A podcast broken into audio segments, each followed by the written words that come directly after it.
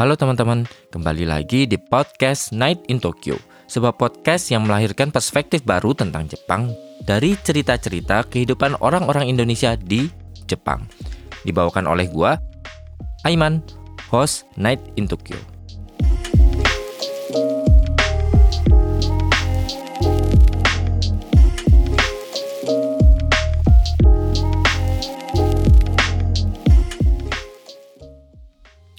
Halo teman-teman, kembali lagi dengan gua Iman di Night in Tokyo. Gimana teman-teman kabarnya semingguan ini? Semoga teman-teman tetap sehat, tetap baik-baik aja, tetap lancar semuanya, kerjaan, eh, rezekinya juga, studinya juga. Untuk episode kali ini teman-teman, sebenarnya uh, gua ngajak uh, Randy lagi nih. Di sini ada Randy. Halo Randy. Halo. Jadi uh, kenapa kita bikin episode ini itu sebenarnya mungkin teman-teman nggak uh, asing lah. Ada beberapa berita beberapa bulan lalu ya. Betul. Beberapa bulan yang lalu terus uh, ada Kenshuse atau Jisuse ya tren trainee lah ya trainee dari Indonesia yang ditemukan bunuh diri sebenarnya dan dia baru empat bulan ceritanya di sini dan memang pada kenyataannya emang berat ya tahun-tahun pertama itu. Bener tahun pertama itu kayak stage awalnya lu hmm. ketika masuk di dunia kensu lah ibaratnya. Ketika lu masuk uh, pertama kali datang ke Jepang ya pasti paling berat tuh ya tahun pertama. Hmm, nah dari situ akhirnya kita ngobrol kenapa kita nggak buat aja sebenarnya membahas gimana sih uh, jadi kensus ya atau jisuse di tahun pertama dan gimana caranya supaya kita tuh beradaptasi dan bisa hidup nyaman lah sepertinya. Betul. Gitu. Nah dari sini kita bakal bahas itu. Nah gimana nih kabarnya? Alhamdulillah. Akhir-akhir ini kerjaan. kerjaan pun lancar. Uh, foto udah mulai banyak ya? Baru sepertinya bakal mulai rame lagi kan karena akhirnya border udah resmi dibuka ya buat semua hmm. turis tanpa uh, visa sekarang kan. Tapi terakhir kapan? Terakhir apa? Terakhir moto. Udah uh. lama sih sebenarnya terakhir moto. Oh berarti belakang be, be, belakang ini belum ada lagi? Terakhir mungkin uh, April apa Juni gitu. Oh. Terakhir motoin itu pun dia kayak turis yang maksain dengan visa bisnis gitu. Gua itu terakhir oh. motoin. Oh bukan satu Indo orang. berarti? Uh, dia blasteran gitu. Cuma oh. dia memang tinggal di luar negeri terus uh, suka orangnya traveling gitu terus oh. kebetulan sekalian ada kerjaan ke Jepang minta difotoin. Ya semoga dengan kabar baik Oktober ini ketika semuanya dibuka kayaknya bakal meledak sih. Amin ya. amin semoga semuanya mulai lagi normal ya dan Jepang iya. pun kan sekarang udah makin parah ya udah masuk ke kayak ekonomi Jepang kan dengan kurs yang sekarang semakin anjlok. itu kan sebenarnya ini kan mungkin cara dari pemerintah Jepang dengan ngebuka uh, border turis ini kan mungkin dari turis Biar itu naik lagi. Uh, uh, ada mungkin pemasukan besar yang bisa diharapin. Nyesek ya ngirim duit ke Indo. Nyesek banget kalau sekarang jangan ditanya semua orang ngerasa kayak ngerasa dari 130 jadi cuma cepet. 103 sekarang 104 103 kan sekitaran Jangan segitu. 30. Oke. Okay.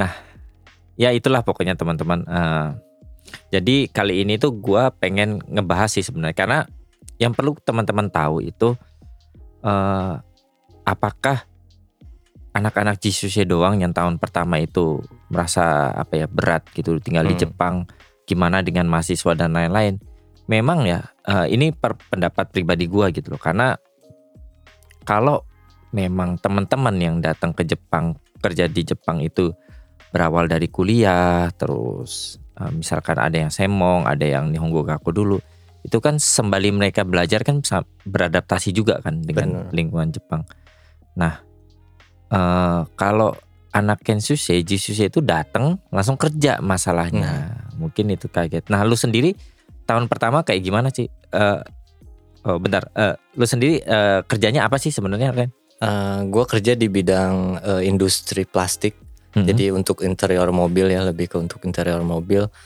dan gue di bagian uh, kayak quality checknya gitu. Jadi ada barang yang jadi, mm-hmm.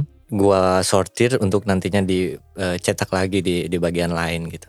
Oh itu dari awal kayak gitu? Dari awal itu itu pas awal datang posisinya. Uh, itu pas awal datang posisinya gue di bagian itu dengan yang uh, keterbatasan gue yang belum mungkin punya pengalaman kerja sama sekali gitu kan. Hmm.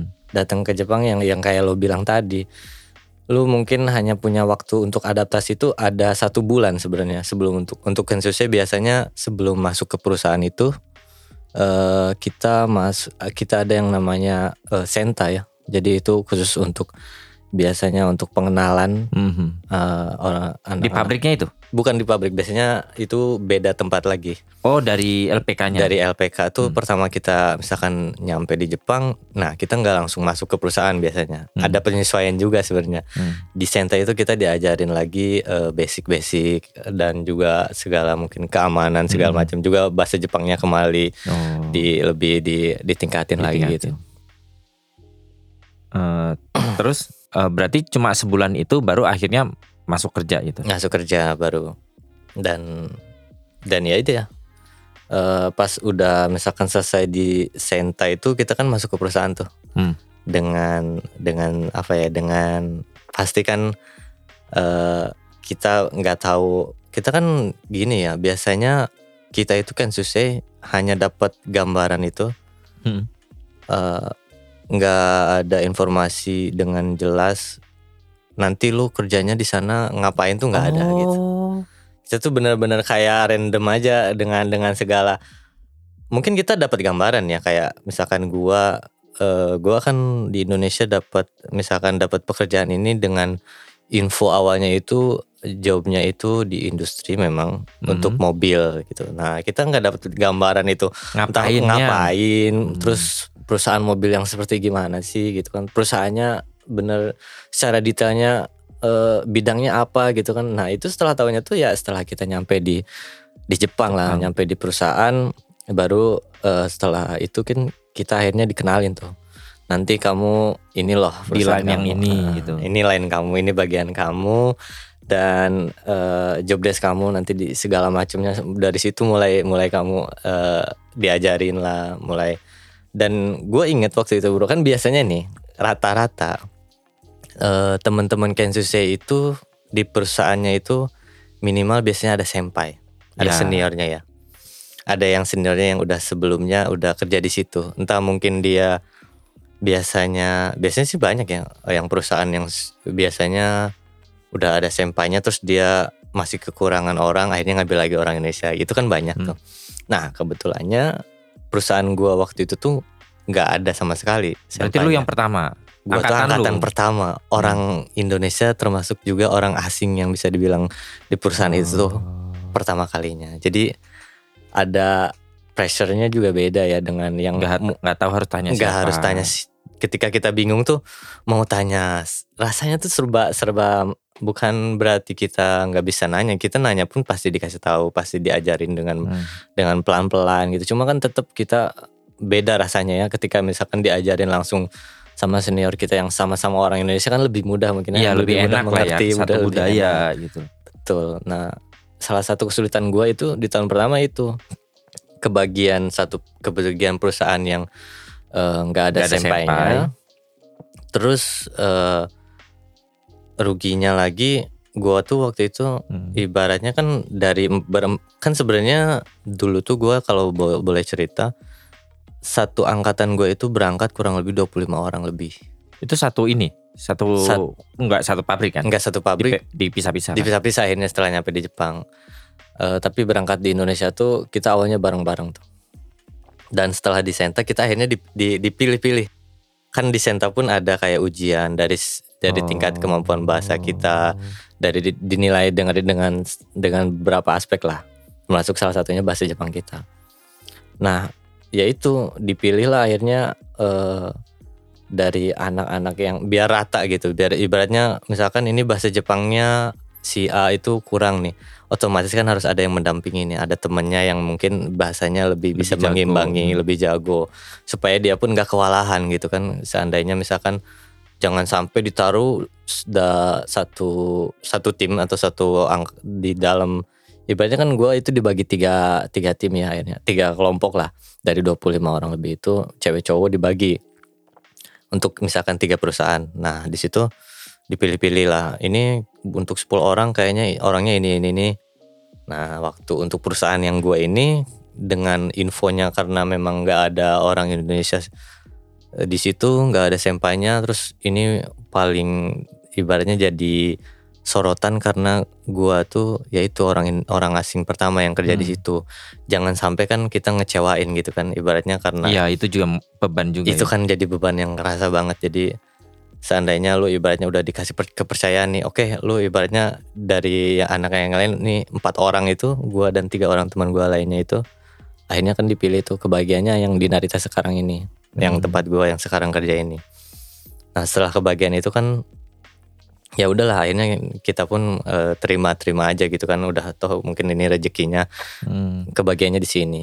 Dengan segala eh, gua dengar teman-teman yang lain kan lebih mudah ya untuk mereka enak banget ya di sana ada sempanya. Kita kan eh, misalkan pertama datang ke Jepang itu eh, jujur lah mungkin semua anak-anak yang eh, gak cuman Kensun ya buat anak-anak semua yang pertama kali datang ke Jepang kan pasti nemuin banyak banget kesulitan yang Mhm. lu bakal dapetin gitu kan ketika pertama datang ke Jepang entah mungkin dari segi lu adaptasi sama lingkungan Sesimpel eh, buang sampah. sesimpel cara buang sampah ya. Itu kan perlu lu lu siapa sih yang mau ngasih tahu gitu kan? Kalau lu ibaratnya mending-mending kalau misalkan ada senseinya inisiatif lah ngajarin. Ini kan eh kalau nggak diajarin kitanya yang harus cari tahu kan? Kitanya yang harus Hmm, bener bener, nyari tanya atau misalkan terus nemu lagi kondisi gimana kita mau taruh mau eh, berpergian ke mana lah kita misalkan mau pergi belanja ke supermarket kita kan nggak tahu Mhm. eh, jalannya. Kita harus Naik pergi naik gimana? kereta tuh ke mana ibaratnya Peraturan naik naiknya sepeda. aturannya naik sepeda itu mungkin yang naik kereta yang ada yang mungkin nyasar salah salah Norika atau salah transit kan pernah kan di tahun-tahun pertama pasti ya mungkin kejadian-kejadian Kayak kayak ayam gitu hilang ya. aja ya. kayak bener-bener ayam yang ayam kecil hilang yang bingung gitu kan mau ke mana-mana bingung. Dan eh ditambah lagi di tahun pertama yang menurut gua paling berat tuh karena apa ya eh lu bakal apa ya kalau Kensu menurut gua bakal ada kita kan ibaratnya bener-bener niatnya kan kita kerja. Terus ditambah ekspektasi kita sebelumnya dengan era sekarang ini kan kita sering ngedenger nih, wah di Jepang itu kerjanya seandainya lo kerja di Jepang bisa nggak ngedapetin atau Oh berita yang dari situ ya. Berita Ketika lu dari masih situ. di Indo. itu kan ada ya, sering kan kita lihat ya. Agak miss ya. Agak, misleading. sedikit ya itu mungkin marketing ya. Dan Iya. kita sering dengar kan kerja di Jepang tiga tahun 300 juta misalkan. Ya benar kalau bisa nabungnya. Kita kalau misalkan bisa nabungnya dengan dengan dengan gampangnya kita iya kalau kita makan tiap hari proma gitu kan kita kita nggak perlu bayar pajak, kita nggak perlu bayar asuransi dan bayar yang lain segala macam. Iya, mungkin bisa. Dan itu kan ibaratnya jadi apa ya? Jadi ekspektasi awal untuk kita oh seandainya eh, dengan eh, misalkan penghasilan yang seperti yang kita eh, tadinya awalnya Digembor-gemborkan gitu. Heeh, gitu. Dan pada kenyataannya kita kan datang ke Jepang nggak langsung dapat gaji dong. Pasti kan uang kita Oh. uang saku yang kita bawa itulah nyawa kita selama Sebulan awal bulan di awal. Jepang. Hmm. heeh. Jadi biasanya kita itu bertahan dengan uang yang kita punya ataupun seandainya misalkan kita kekurangan itu ya bisa sih kadangan ada perusahaan atau dari Kumiai ngasih kayak setengah gaji gitu kalau seandainya misalkan kita butuh untuk uang eh, bertahan hidup lah kasarnya ya. Hmm, Kan Itu, atau barai kan bisa. eh, bisa itu Apa untuk awal barai sih? Eh, bayar, di di belakang. awal eh, Bayar di belakang. bayar Jadi kerja dulu baru dibayar. oh iya harusnya gitu memang kan Iya. ini kan karena kita awal datang ke Jepang Diminta dulu kayak main diminta barai dulu gitu. iya itu bisa bisa apa ya bisa nggak terlalu jadi masalah sih menurut gua Hmm. kalau masalah eh, uang awal gitu kan Hmm. terus yang lainnya lagi dari adaptasi kan itu tadi sama lingkungan sama keadaan terus lu bakal nemu lagi masalah apa ya mungkin bahasa Jepang kali ya karena Hmm. yang gua rasain itu entah mungkin eh seberapa tinggi level bahasa Jepang lu tetap lu harus beradaptasi dengan dengan dengan apa ya dengan orang-orang yang lu temuin kan nggak mungkin langsung datang ke Jepang lu langsung jago ngomong gitu kan. Walaupun lu mengerti maksud uh, orang yang lu ajak ngomong tetap aja lu awalnya bakal ngerasa nggak bisa ngomong dengan lantang iya. gitu kan. Pasti au au banyaknya kita bingung kita mau ngomong serba nggak enak. Dan kita ini kan biasanya ya uh, mungkin uh, terpatok dengan dengan bahasa formal biasanya. Ya, kita terjebak di, dengan bahasa formal yang textbook. kita diajarkan yang dia textbook itu. Hmm. dan sedangkan di dunia kerja pada nggak ada yang keluar. nggak ada yang keluar nggak ada yang bisa gue bilang nggak ada yang kepake ini. Selama gue belajar sampai bab 25 kasarnya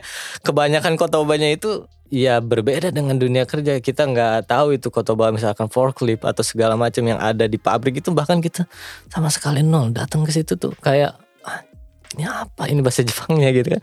Kita lihat ini kayaknya nggak nggak pernah kita mungkin tahu ya salah salah yang muda-muda gitu kan kayak mungkin kosakata yang familiar kayak obeng yang gitu-gitu kan kita gampang. Tapi yang misalkan sulit kayak mesin mesin misalkan conveyor gitu kan itu apa bahasa Jepangnya? Terus yang gitu-gitu kan kita sebenarnya nggak sampai gak nyampe ke situ belajar tuh. Jadi mungkin hanya dasar bahasa Jepang dasar yang mungkin kita kuasai dan hmm. pada kenyataannya di awal pertama kali lu kerja lu harus mulai lagi meraba-raba gitu kan uh, kosakata yang yang ada di lingkungan lu yang misalkan di tempat kerja lu mulai terbiasa lagi dengan dengan bahasa yang awalnya mungkin lu sering uh, pelajari kan bahasa formal hmm. tapi karena kenyataannya orang yang lu ajak ngobrol biasanya menggunakannya nggak formal jadi kita pun agak iya, bingung ya di biasanya. pabrik di gemba di pabrik itu kan udah nggak udah nggak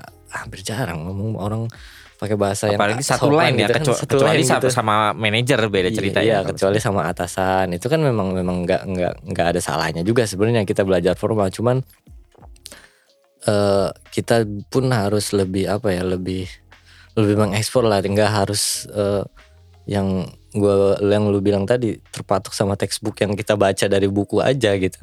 Kita harus benar harus uh, nguasain. Misalkan seandainya lu kerja nggak cuma di pabrik ya bisa di pertanian bisa kan ya, banyak di semua ya, lini di ya, semua, semua bidang. semua bidang. kan. Harus paham itu tuh yang uh, Apa ya? perbanyak senmong kotobanya itu. Uh, uh, senmong kotobanya itu yang lebih lebih diperbanyak lagi lah di, diperdalam karena justru dengan banyaknya menurut gua banyaknya kosakata yang kita tahu bakal ngebantu kita justru. Karena frustasi kita. ya. Itu benar-benar stres bu. Mending kalau gua bilang kan gua bakal lebih enak mending kalau ada senpai gitu kan. Ada iya. senior yang bisa bantu Jadi tanya, oh ini ini bahasa Jepangnya ini apa? apa kan? gitu kan. Kita mau nanya orang Jepang misalkan kita kan memang punya sensei. Kita kalau ada apa-apa mungkin bisa bertanya. Tapi kan Gak mungkin kita tiap waktu tanya, gak mungkin kita tiap hari tanya, tiap saat ketika ada masalah laporan segala macam kan kita sendiri harusnya akhirnya harus mikir. Kadang gue sampai misalkan bawa bawa note gitu kan, misalkan nggak hari ini nggak tahu itu sebulan dua bulan mungkin tiga bulan awal gitu ya tiap hari dengan dengan misalkan kita eh, nggak uh, tahu nih kosakatanya apa kita tulis nanti di rumah kita buka kamus kita lihat oh ini artinya ini. Oh, misalkan kita bingung cari kata-kata ini bahasa Jepangnya apa baru tulis gitu. Dan hal, -hal itu justru kadangan yang uh, apa ya mempersulit kita lah. Dan itu nggak kepikiran ketika gak waktu kepikiran. di Indonesia. Ibaratnya di Indonesia kita cuma hmm, diajarin kan bahasa Jepang. Kita ibarat gini lah. Kita diajarin berenang cuma di kolam renang gitu. Basicnya kita memang diajarin berenang. Iya. Nah, ketika datang ke Jepang lu ibaratnya lu dilepasin di laut lepas dilepatin dilepasin yang nggak tahu itu ada arusnya gimana dingin atau enggak ombaknya besar apa enggak kan terus belum uh, biota laut bener kan ada hiu segala macam yang lu harus nggak nggak lu bayangin sebelumnya dan dan kita terbiasa dengan dengan hal yang tadi yang, yang tadi itu kan dengan yang biasa yang belajar berenang di kolam renang kan kita nggak dengan santainya dengan nggak ada tekanan nggak nggak nggak perlu takut akan misalkan ada ombak segala macam kan kita oh udahlah. Dengan gaya yang semacam kita diajarin oke okay, kamu belajar gaya berenang sekedar gaya katak gitu. Namun akhirnya ketika lu di laut lepas lu dilepasin sendiri lu harus tetap bisa belajar apa ya, ya. akhirnya belajar survive gitu kan belajar iya belajar bertahan. bertahan kan. Gimana lu caranya bisa nafas buat supaya nggak tenggelam gitu kan ibaratnya? Kitanya yang benar harus harus benar gimana caranya buat bertahan gitu. Dan yang gua ingat dari itu kan kejadian yang baru bulan kemarin ya Agustus ya. Iya. salah satu teman kita yang meninggal karena bunuh diri kan itu apa sih sebabnya kita kan memang nggak tahu sebenarnya Memang sampai tahu. sekarang pun eh apa kronologi atau Iya, penyebabnya nggak juga nggak ada tahu nggak ya. dibuka ya nggak nggak nggak ada tahu di di apatonya sendiri gitu. Mm-mm, Jadi, dan dan lu bayangin aja di di usia dia yang kalau nggak salah masih 22 tahun ya Hmm. dan baru berapa lama di Jepang baru 4 bulan tiga bulan. bulan.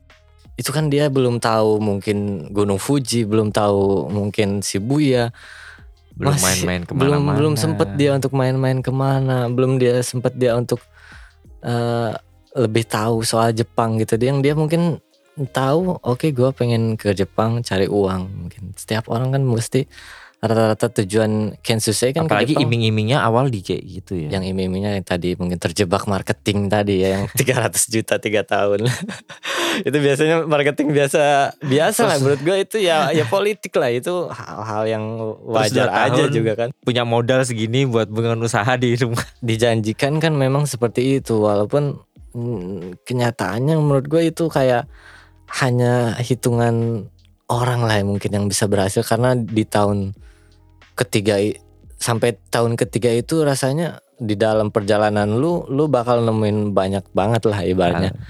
Eh, masalah yang mungkin ada temen lu yang tiba-tiba mm, butuh uang terus pinjam Ya. duit ke lu bisa lu harus ada yang eh, macam-macam lah yang mungkin harus biayain adiknya untuk biaya sekolah bayain kebutuhan orang tuanya kalau mungkin yang cewek stres belanja jadi ya. stres kan itu dan itu sebenarnya yang ini nih yang yang bi- biasanya menurut gua eh jadi apa ya justru hal-hal seperti itu yang kenapa sih jangan supaya eh, kita itu nggak stres lah bro bener gak sih supaya misalkan kalau cewek hobinya eh, bukan hobinya ketika dia seneng ketika belanja shopping atau segala macem yang biasa cewek lakuin dan itu buat dia happy ya nggak masalah menurut Iya, gua lakuin aja ya. lakuin aja nggak usah nggak usah lo ibaratnya ya memang lu harus nabung lu harus hidup hemat selama lu kerja di Jepang tapi tetap lu perhatiin juga kebahagiaan diri lu apa yang buat diri lu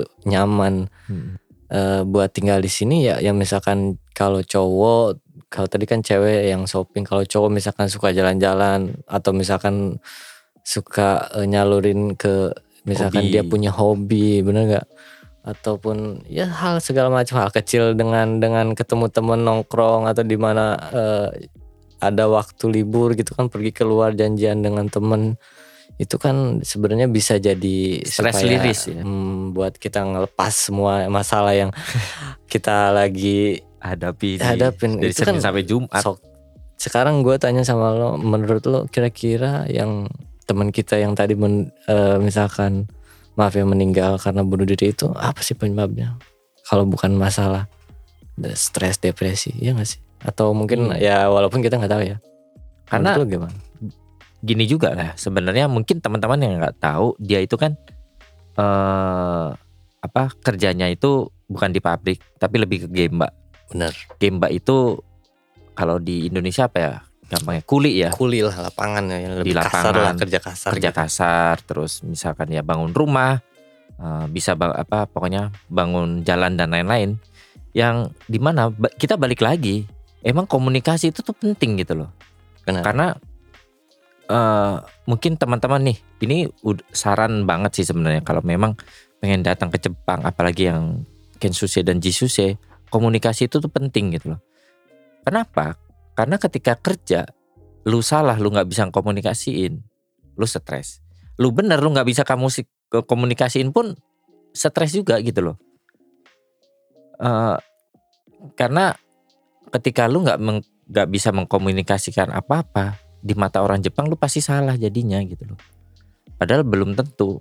Padahal sebenarnya bisa juga orang Jepang tuh diajak diskusi dan lain-lain. Cuman karena memang keterbatasan kita komunikasi bahasa Jepang dan lain itu tuh memang akan menjadi yang nggak bisa dihindari lah ya. Benar. Tapi itu pasti jadi eh, faktor stres pertama itu. Bahasa komunikasi. It- dan dia itu juga apa sih namanya kerjanya kan di Gemba kan. Gemba tuh gimana ya? Keras, Waktu. bro, waktu. Waktu keras. Misalkan bahasa pun bahasa. dengan kita ada tuh nggak ada nggak ada bahasa bahasa bahasa anak sopan tuh tuh nggak ada, nggak ada kan tuh. anak Gemba kan. Nggak kita ada. mental kita kan ketika lu ibaratnya digoblok-goblokin lu ibaratnya dibilang kerja nggak becus. Biasa sebenarnya. Itu udah biasa. Kalau ibaratnya kita kerja di Gemba kita harus udah nggak perlu hirauin dengan omongan ya yang mungkin lu anggapnya awalnya mungkin lu akan ngerasa kaget dengan perkataan gitu-gitu ya lu harus tahu gitu kan itu udah jadi ah udah hal biasa jangan terlalu baper jangan terlalu dimasukin hati. Sama ini juga kali ya butuh temen. Support Itu sih. system. Iya. Itu lebih lebih butuh juga sih. Karena kita hidup di negeri orang itu kan pasti mau di kanan kiri banyak orang tapi kalau kita nggak kenal kan benar kita jangan pernah ngerasa sendiri sih. Walaupun kenyataannya kita bakal sendiri di sini. Mau ngapa-ngapain kita ada masalah mau kita ada ujung-ujungnya kita sendiri yang nyelesain. Ujungnya memang kita sendiri.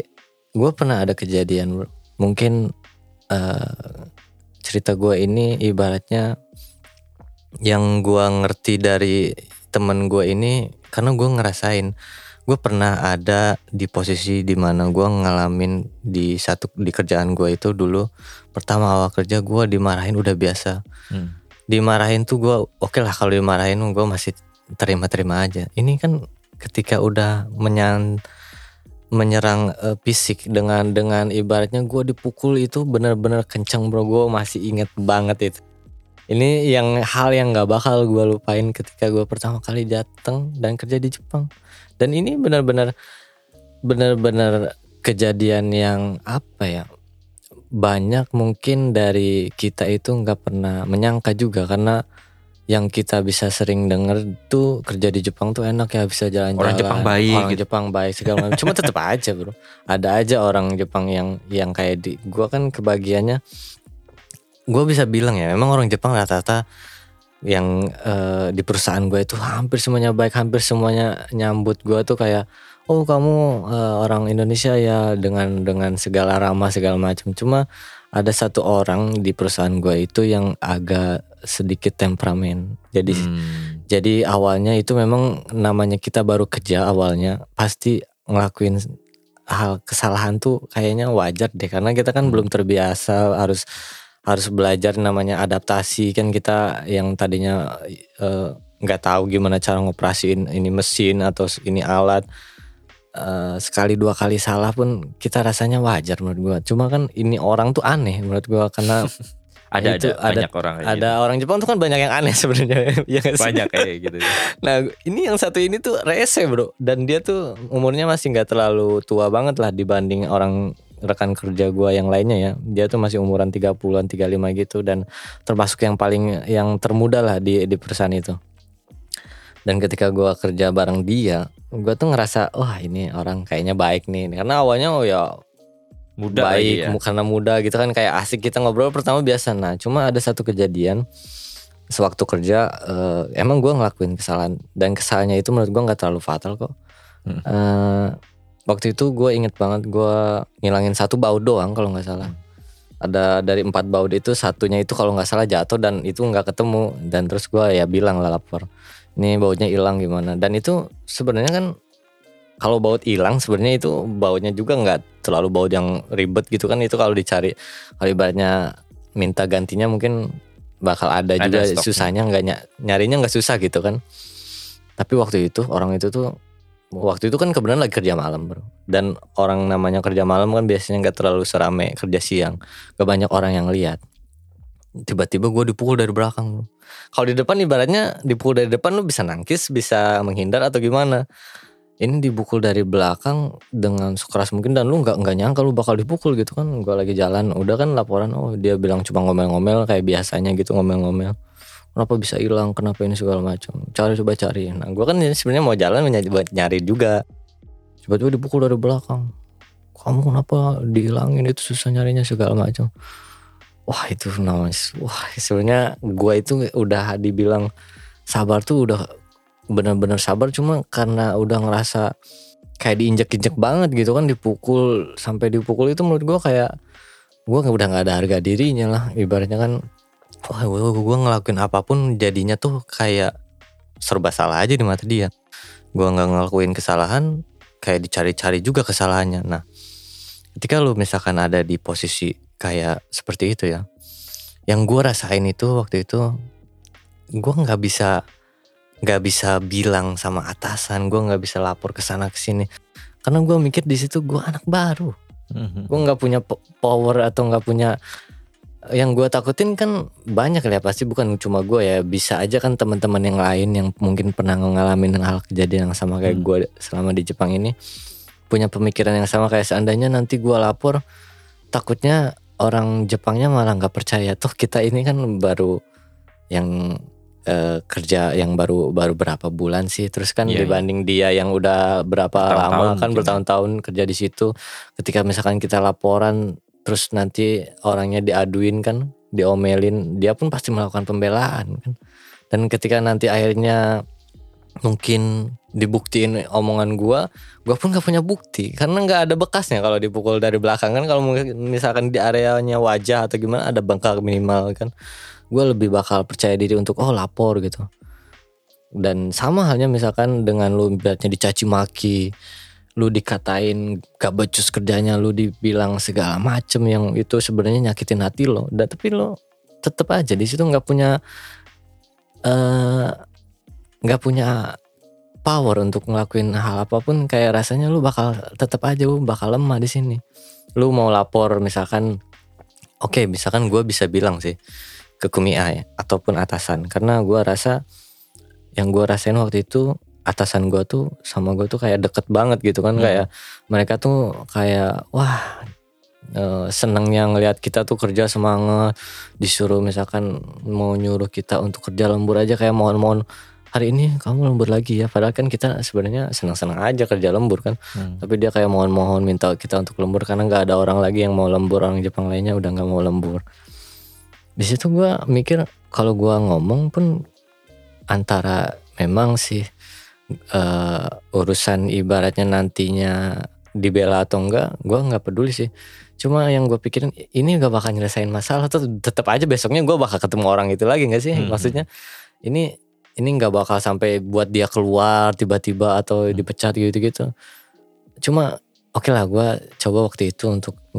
coba handle sendiri cuma cuma bisa sabar lah kasarnya dengan dengan waktu dengan kejadian yang sebenarnya udah berkali-kali dimarahin sampai itu puncaknya dipukul gue masih tetap bertahan bro. Gue masih nggak mau bilang gue masih tertutup nggak cerita ke teman sendiri gue yang sesama orang Indonesia pun gue nggak cerita bro. Karena menurut gue bakal malu. Ntar gue bakal dibilang wah lu sih kerjanya begini-begini. Kan biasanya kita malah dibully kan? Dengan cerita ke teman sendiri cerita Eh, Kadang anjing ya. gua dipukul misalkan. "Ah, bangsat ini wah lu sih kerjanya nggak becos lu sih ngapain mau main-main gitu. Kan malah teman kita sendiri terkadang malah langsung malah menjudutan kita segala macem. Itu yang gua banyak yang salah satu yang gua takutin.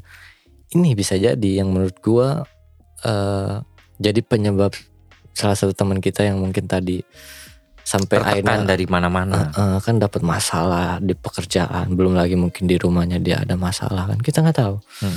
dengan segala mungkin dia eh, konflik yang mungkin dia lagi hadapin di kepalanya udah nggak tahu harus mau ngapain nggak punya teman buat untuk cerita dan dia ngerasa sendiri nggak punya siapa-siapa itu jadi akhirnya nyebabin dia akhirnya Hmm. mutusin buat ngakhirin hidupnya dengan cara Wah itu bukan cara kita gitu kan. Itu mungkin di Jepang udah biasa kita dengar kata orang bunuh diri dengan nabrakin diri ke kereta kan. Kita sering nemuin itu kan kejadian Hmm. itu tapi ketika kejadiannya orang Indonesia. Indonesia saudara kita sendiri kan.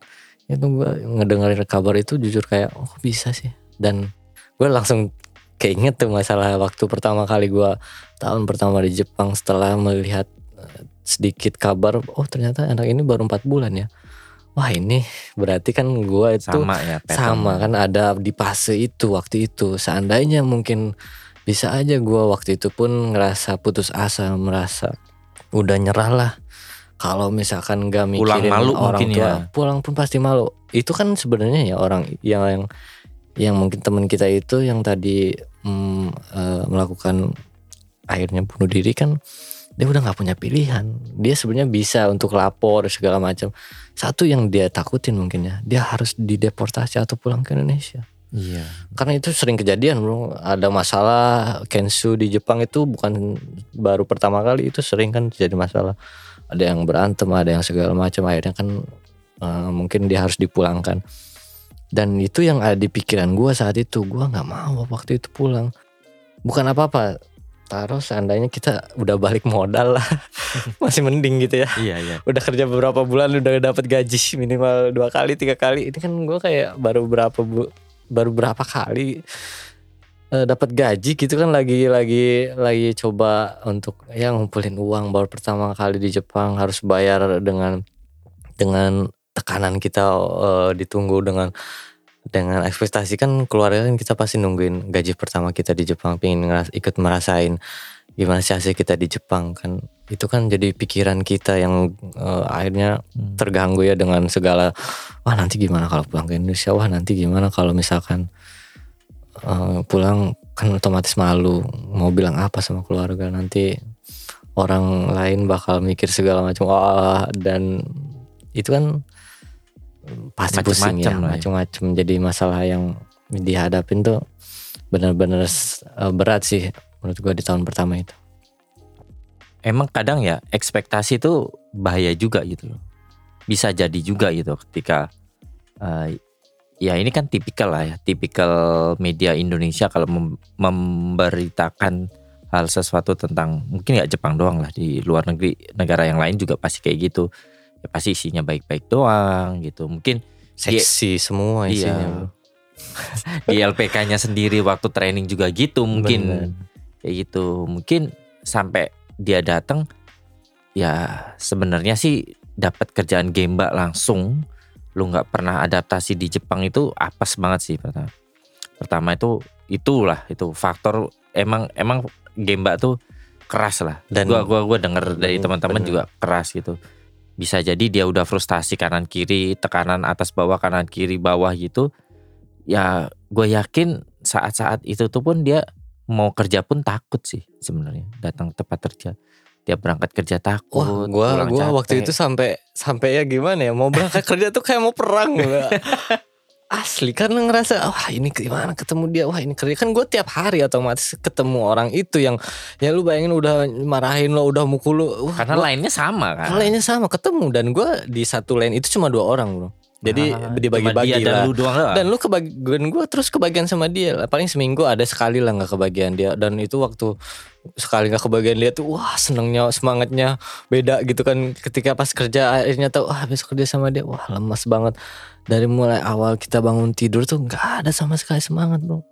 Walaupun padahal ya spirit kita tuh kan di tahun awal-awal ke Jepang itu harusnya kan enak ya. lagi bener-bener haus akan segalanya ya Oh, udah sih? di Jepang lagu nih udah pertama kali tahun pertama tuh kan wah di Jepang nih udah di Jepang nih akhirnya. Setelah misalkan udah belajar bahasa Jepang berapa tahun yang udah nunggu apalagi berangkat. iya di LPK saingan Saing. akhirnya kepilih ah bener sih gue ngerasain. Kan gue pun ngerasain kok begitu senengnya begitu eh, euforia yang gue dapet tuh setelah penantian 2 tahun akhirnya bisa ke Jepang kan wah spiritnya tuh awalnya gue kerja semangat. Harusnya ibaratnya kan gue kerja tiap hari pakai bis ya. Ya, padahal gue bisa aja bangun jam 6 tapi gue bangun jam 5 wah karena udah udah biasa awal-awal gitu kan bangun jam 5 kita ibaratnya segala macam persiapan supaya jangan jangan sampai telat lah kita nggak mau telat dan pas ada masalah Pak Alun wa- gua rasa itu kan sebenarnya memang masalah tuh eh bisa diselesain seandainya gue berani ngomong. Cuma kan Hmm. gue nggak berani karena gua rasa ngomong ke atasan atau ke LPK pun akhirnya nggak bakal nyelesain masalah. Gue pun eh, pernah nyoba bilang ke sensei ya. Entah itu sensei nyampein langsung ke LPK atau enggak tapi untuk eh, intinya gue udah ngomong sama sensei gue cerita. Sensei gue gimana sih kerja? Gue ceritain apa adanya. Ya, sampai dimarahin udah sering sampai pernah dipukul sensei. Cuma gue ngomong gue nggak punya bukti. Lu sensei gue pun lu pasti nggak percaya. Ini terserah lu mau percaya apa enggak gue ngomong apa adanya dan lu mau sampaikan ke orang perusahaan atau enggak pun ya gue cuma pengen nyampein ini aja. Berharapnya sih gue mah cuma minta satu sih gue minta disampaikan ke orang perusahaan. Gue mau dikerja di bagian apa pun kerja apa pun gak apa-apa lah gue udah pasrah. Ya gue minta satu gue jangan sama orang itu.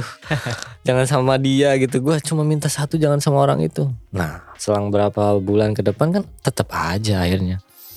Itu pun akhirnya gue sampai sekarang pisah karena sama dia itu nggak bareng lagi karena ya akhirnya alhamdulillah sih memang sekarang gue nggak bareng dia lagi. Itu pun karena karena ada jenjang karirnya aja. Kebetulan ada posisi lain yang yang yang oh. kosong yang ditinggalin dan gue kebetulan oh udahlah si Randy udah lama ini udah tiga tahun. Wah tiga tahun gue nungguin ibaratnya supaya bisa lepas dari orang itu bro. Oh jadi selama tiga tahun itu masalah nggak kelar? Nggak kelar bro. Bayangin tiap hari lo harus perang dengan perang dingin. Walaupun ya kalau ketemu ya biasa senyum. Cuma kan dendam gue tuh masih ada bro jujur. Tate mae ya mereka juga ya. Mereka pun ngerasa emang kadang kan orang itu ngerasa nggak enak ya ketemu gue kerja bareng sama gue kadang kan dia pun ngerasa baik gua nggak pernah gua maafin dia cuma tetap gua nggak bisa lupain. Wah gua inget waktu pertama dipukul itu. Itu sepertinya kayak ngetes doang sih bro. Karena di tahun di bulan ke-6 bulan ke dia marahnya udah terlalu menjadi-jadi kayak awal-awal. Hmm. ngerti gak sih? Kayak nggak terlalu temperamen kayak mungkin awal-awal kayak ngetes gua juga mental gua. Lu kerja jangan asal-asalan lu nggak boleh kerja seenaknya. Hmm. lu nggak boleh kerja ngelakuin kesalahan. Kayak itu bener kayak gua mikirnya gua coba udahlah gue mikir itu ibaratnya buat pelajaran buat gue aja lah. Mungkin emang guanya uh, juga uh, salah gitu kan. Nah di tahun ketiga itu bro sebenarnya kan gue udah selesai. Kontrak gue tuh kan awalnya tiga tahun. Ya. dan Kensu standar lah ya. standar itu kan rata-rata tiga tahun. tahun. Dan Kensu atau Jusu selama tiga tahun ini kan gak bisa kayak anak kalian misalkan kuliah bisa gak nyaman di satu tempat kerja bisa pindah ke tempat lain bisa cari hmm. kerja di tempat lain. Gak ada pilihan. Gak ada pilihan. Kayak Tokute sekarang yang gue misalkan hmm. status gue Tokute atau sekarang ini. Kan kerja enggak nggak nggak ada pilihan untuk kita misalkan nggak bisa lari ke mana-mana. cari cari kerjaan lain.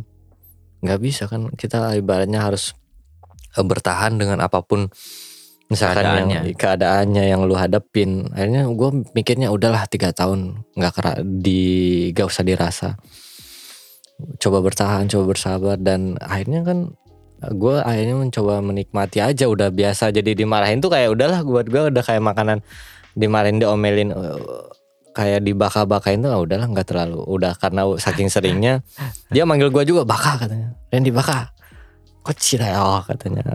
Kamu hari ini uh, bikin ini sebenarnya kan yang job desknya itu sebenarnya itu kerjaan dia bro tapi kan harus gue yang ngerjain. Jadi akhirnya harus banyak kerjaan dia banyak yang harus gue gue kerjain. Dia yang enak. Dia malah enak. Kan itu sebenarnya ya ya tahu sendiri lah. Dan dan di Jepang menurut gue orang orang Indonesia kayak biasa aja sih. Diperlakuin uh, gimana ya bukan artinya direndahkan tapi seperti kita ngelakuin kerja tuh apa pun aja dikerjain lu ada kerja lu nganggur dikit lu disuruh ngapain kek atau lu hmm. nggak hmm. lu kerjanya meskipun gue pernah kerjanya hmm. di pabrik kan tapi tetap aja disuruh motong rumput misalkan atau disuruh hmm. ngepel jendela gitu ngelap gitu segala macam itu buat orang Indonesia tuh nggak usah heran deh apa pun misalkan lu disuruh ini ya udah kasarnya udahlah nurut aja zaman Kensu itu dulu gue kayak gitu dan selama Kensu itu sebenarnya hubungan eh, kalau sama si itu sih yang gak usah ditanya lah ya. Mm. Hubungan dengan orang Jepangnya sendiri yang ada di pabrik terus mungkin teman-teman sesama Indo sendiri pun gimana atau banyak yang sharing gitu nggak sih sebenarnya? Uh, juga gue bisa dibilang wah gue deket banget sama orang Jepang yang lain tuh sama rekan kerja yang lain di perusahaan itu tuh cuma gue bilang itu cuma satu orang itu yang yang, yang ada gue ada masalah. Entah dia mungkin gak suka sama orang asing. Dan itu bukan cuma sama gue aja bu kadang pernah juga temen gue kebagian marahin. Kena marah juga. Cuma gue kayak dia ngerasa malu untuk cerita ke gue mungkinnya.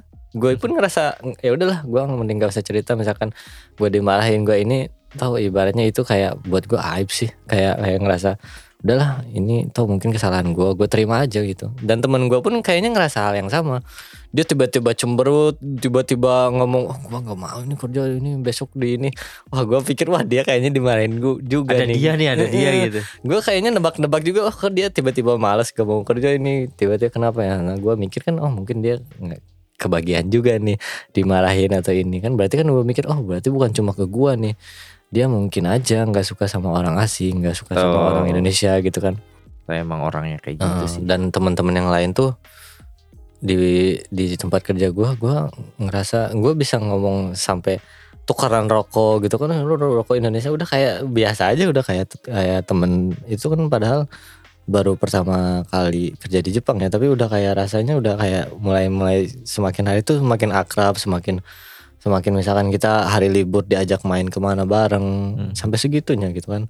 Bahkan waktu itu gue ingat karena hmm, hari bukan hari ya musim pertama musim dingin pertama gua di Jepang kan datang ke Jepang itu akhir tahun ya dan itu udah mulai mau masuk musim dingin kalau nggak salah nah waktu itu kan gua belum terlalu eh, persiapan untuk pakaian jaket musim dingin ya Hmm. tiba-tiba satu orang perusahaan itu sampai ngumpulin baju bekas mereka yang mungkin gak kepake tapi masih layak pakai gitu Aha. buat ibanya dikasih sama orang Indonesia kita berempat dan itu pas gua terima itu kayak dapat dua box besar dan itu banyak isinya pada jaket tebel eh, dari sweater baju musim dingin yang tebel-tebel sampai celana semuanya lengkap loh. Dan bagus-bagus gitu.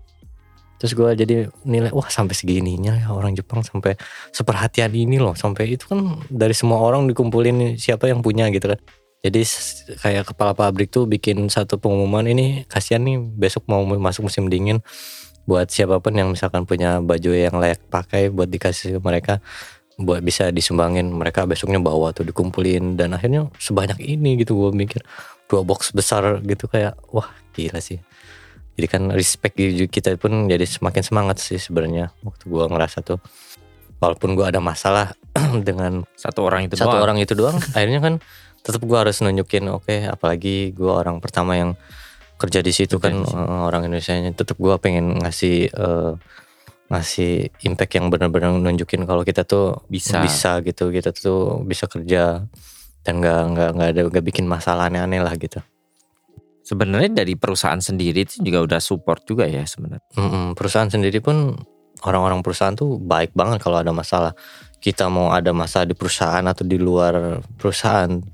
Contoh misalkan kita di eh, di rumah dapat kendala apa pun, ngomong sama orang perusahaan, besoknya misalkan kita taruh misalkan kita berangkat kerja pakai sepeda nih. Kan mayoritas kita ini Kensusei rata-rata berangkat kerja ada yang pakai sepeda kan kebanyakan. Sepeda kita rusak, besoknya kita diantar sepeda yang baru. Bro di sepeda cadangan tapi masih baru itu gue lihat wah ini sepeda baru ini udah pakai dulu sementara yang ini katanya udah eh, besok lagi sepedanya dibenerin padahal itu cuma misalkan bannya bocor atau rantainya copot Hmm. orang perusahaan tuh sampai langsung laporan yang penting kita ngomong laporan langsung misalkan kita ada Oh, intinya komunikasi ya Oh, memang. asal- iya, intinya benar asal kita berani ngomong sih ketika ada masalah hal, hal apa yang kita hadapin eh, kita ngomongin aja gitu sama orang perusahaan Yang gue penasaran dari Kumi Ai sama LPK sendiri itu sejauh mana sih sebenarnya supportnya atau setelah berangkat ya udah lepas itu atau gimana? Mungkin kalau yang dibilang lepas dari LPK sih kadang kan komunikasi secara individu ada biasanya. Secara formalitas lah nganain kabar nganain nanya gimana tahun kabarnya? pertama bulan pertama tuh udah kita lama setahun lebih di Jepang udah udah lost kontak bu sama orang LPK malah Hmm. sampai gua ngerasa sekarang oh, apa sih fungsinya LPK gitu. Kan sedangkan mereka tetap ngerasain gaji kita setiap bulan. Itu Oh iya? bener-bener loh. Itu ada gua kalau nggak salah kan gue inget eh, saudara gua kan punya LPK ya. Oh iya, oh iya lu cerita. gue masih ing- waktu itu kan pernah cerita. Jadi ada fee dari eh, beberapa persen dari gaji kita itu yang masuk ke, ke LPK setiap bulannya. Dan di sini malah eh, ketika nantinya kita di sini ada kendala apa pun memang LPK masih punya tanggung jawab bro. Tapi LPK nggak bakal bener-bener kayak lu merhatiin lu tiap bulan atau lu ketika ada masalah masalah, apa. apa pun kayak mereka udah kayak lepas tangan aja kecuali oh maaf ada masalah kayak ya misalkan tadi ada kasus misalkan teman kita yang misalkan eh, meninggal atau misalkan kecelakaan atau misalkan ada ya apa pun lah masalah yang benar-benar besar itu baru LPK bisa bisa antara kena kena tanggung jawabnya pasti ada ya. Kayak Kena misalkan sanksi. kabur lah. Oh, kalau kabur yang pasti kena kabur. sanksi ya. kena sanksi setahu gue ya yang kabur yang misalkan ada masalah besar. Itu LPK kena sanksi. Dan Kumia sendiri eh, dari Kumia biasanya nggak lepas tangan sih sebenarnya. Mereka pasti ada bantu apa pun yang misalkan kita ada masalah. Nah cuma biasanya Kumiai pun ada keterbatasan untuk hal-hal seperti apa sih yang mereka bisa bantu kalau misalkan masalah kita sehari-hari yang biasa kita hadapin kayak ini gimana caranya? Misalkan apa ya kita dapat kesulitan. Kayak masalah tadi lah NHK ada tagihan. Kita kan udah ngobrol soal NHK tadi. Kita ada masalah tagihan yang yang seperti itu mereka tuh kayak nggak mau ambil pusing. Kita minta saran pun kadang kan udahlah nggak usah bayar. Padahal kan itu sebenarnya nggak usah Hukum bayar. ya. kita sebenarnya ngelawan, ngelawan hukum. Kita udah terlanjur tanda tangan. Dan itu yang gua gua gua alamin. Akhirnya kan kita jadi terjebak selama ibaratnya harus selama tiga tahun gak bayar NHK tetap aja ujung-ujungnya lu harus bayar. Dan ketika lu nggak bayar ya lu harus siap dengan nanti urusan seandainya eh NHK satu hari nanti bawa pengacara buat nuntut lu itu harus lu udah siap gitu kan. Tapi udah udah jadi resiko gitu kan ini tanggung jawab yang atau kesalahan yang lu misalkan udah bikin ya udah. Dan misalkan ada masalah-masalah lainnya ya. Kayak contohnya di Kumiai biasanya ada masalah kayak yang hal-hal untuk perpanjang. Misalkan kita ada butuh untuk perpanjang KTP atau urusan-urusan seperti yang dokumen-dokumen itu itu mereka paling cepat biasanya. Oh, Itu sebenarnya, administrasi. Masalah legalitas segala macam tuh birokrasi itu mereka yang semuanya yang paling Karena ngerti. Karena mereka memang tugasnya lebih ke sana menurut gua. Oh. dibanding urusan masalah kita untuk di kerjaan dan kayak di, eh, di masa di, di perusahaan ada masalah apa dan semua itu mereka tuh kayak cuma bisa bantu sebatas ya nyampein aja. Cuma akhirnya oh ini ada ada keluhan dari dari misalkan dari karyawan ini kan gua bagian dari kumia kan otomatis di bawah mereka kan. Akhirnya kita mengadu keluhan kita ditampung terus akhirnya disampaikan ke ke perusahaan. Itu pun mending kalau disampaikan. Tapi ketika mungkin kumia pun kan logikanya mereka nggak mau nanggung malu. Mending mereka ngomong oh ini eh, orang yang gua bawa nih ke perusahaan ini ternyata eh, ada masalah nih. Mereka kan pasti ngejaga itu kan pasti ada semacam politiknya lah mereka pasti menurut gua ada ketika masalahnya ada gengsinya juga lah. eh, eh, ketika ada masalahnya yang berbau berbau kayak kesalahan Pribadi, ya. pribadi Hmm. masalah kita sehari-hari itu nggak bisa apa-apa sepertinya RPK nggak bisa terlalu bantu jangan terlalu berharap bantuan dari mereka maksudnya Ya memang pada akhirnya yang nyelesain masalah tuh ya kita sendiri sih? Bener. Dan itu kerasa banget sih sama gua ketika lu pun gak bakal cuma dapat masalah itu sih. Lu bakal nerima eh fase di mana lu pernah nggak sakit selama di Jepang yang bikin lu nggak bisa ke mana-mana selain corona ya. Hmm. Gua pun sebenarnya di Jepang selama di Jepang nggak pernah tuh sakit. Alhamdulillah gitu selalu. Ya paling namanya kita kerja ya paling sekedar capek masuk angin yang gitu biasa. Nah, gue pernah waktu itu sebelum corona sebelum ada corona pernah satu minggu bener-bener nggak bisa ke mana-mana bener-bener nggak bisa keluar yang wah gue tuh kayak eh, merasa bener-bener wah gue tuh ternyata selemah ini loh gue tanpa orang lain gitu kan. Gue selama ini ngerasa ah nggak gue nggak butuh orang lain.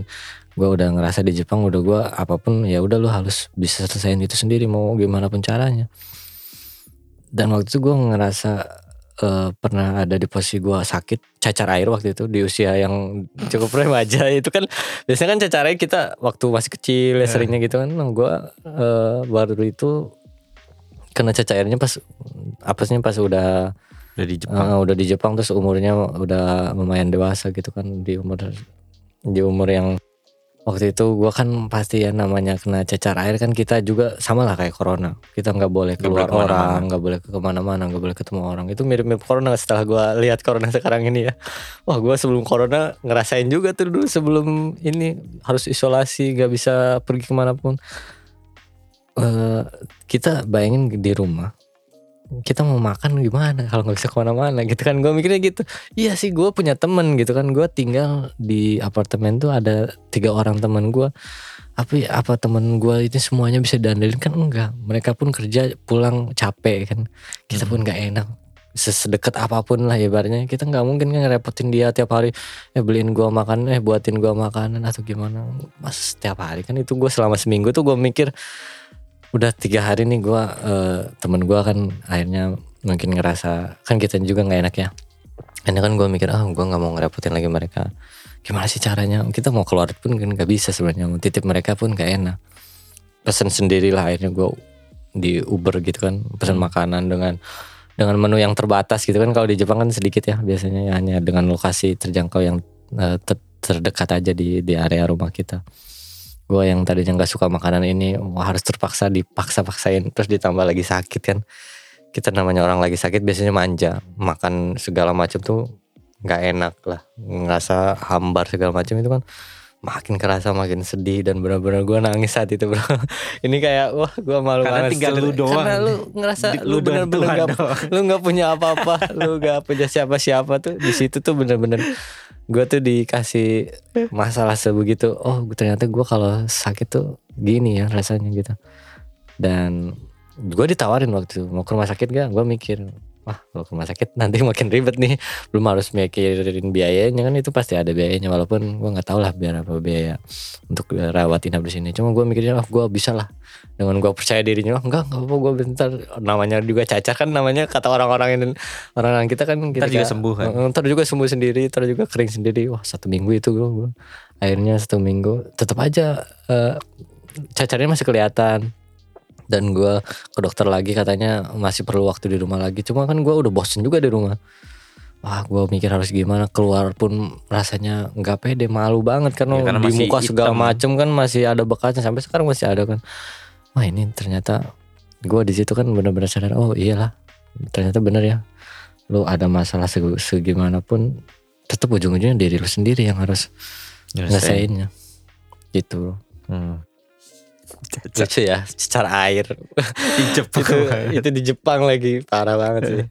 Eh, terus nih, kalau lu ditanyain eh, orang saran lu atau nasihat lu lah sebagai orang yang udah melewati satu tahun itulah satu tahun paling berat buat Kensuse dan Jisuse itu apa kira-kira kalau buat nanti nih?